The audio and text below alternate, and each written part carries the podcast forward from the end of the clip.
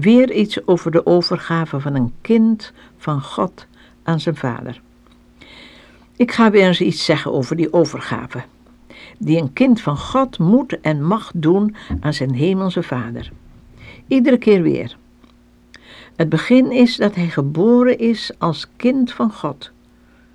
De Heer Jezus noemt dat wedergeboorte. De Bijbel zegt, zij die Jezus aannemen, aan hen geeft hij de volmacht en de macht een kind van God te worden. Gelijk je dan Jezus hebt aangenomen, wandel alzo in hem. Iemand zei tegen me, ik heb me verschillende keren overgegeven aan de Heer. Laatst nog op een conferentie. En ik voelde me zo gelukkig, maar het duurde een paar weken en ik was alweer alles kwijt. Kijk, als u dat hebt ervaren, moet er een verandering komen in de richting van uw blik. U hebt naar uzelf gekeken en zelf kon het niet volhouden. Ga nu eens naar Hem zien, aan wie u zich overgegeven hebt. Als God het werk begonnen is van uw absolute overgave, en als God uw overgave geaccepteerd heeft, dan wil Hij voor u zorgen en u vasthouden. Gelooft u dat? In deze geschiedenis van volledige overgave gaat het om twee personen: God en u. U bent een nietje. God is de eeuwige en almachtige Heer.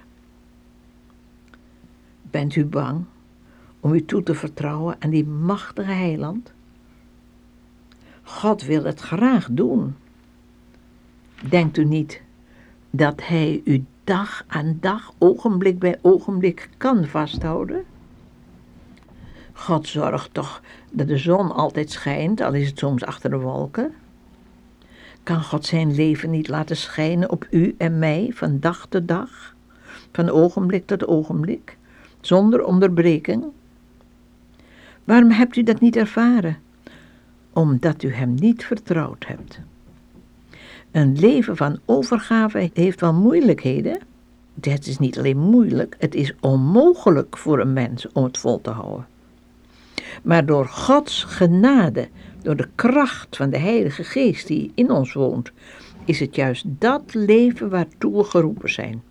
En prijs de Heer, Hij kan en wil het volhouden. Hebt u wel eens van George Muller gehoord? Toen hij zijn negentigste verjaardag had, vroeg iemand wat het geheim was van zijn voortdurende blijdschap en geluk.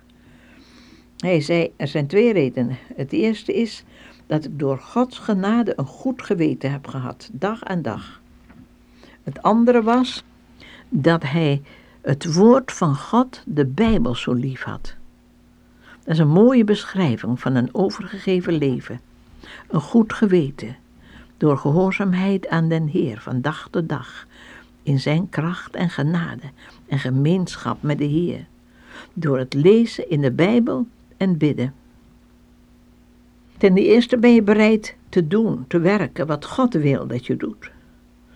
De andere kant is God te laten doen wat Hij wil. Geef u over aan de wil van God. U weet niet altijd wat het is, maar dan zegt u maar, door uw genade wil ik uw wil doen in alles, ieder ogenblik van iedere dag.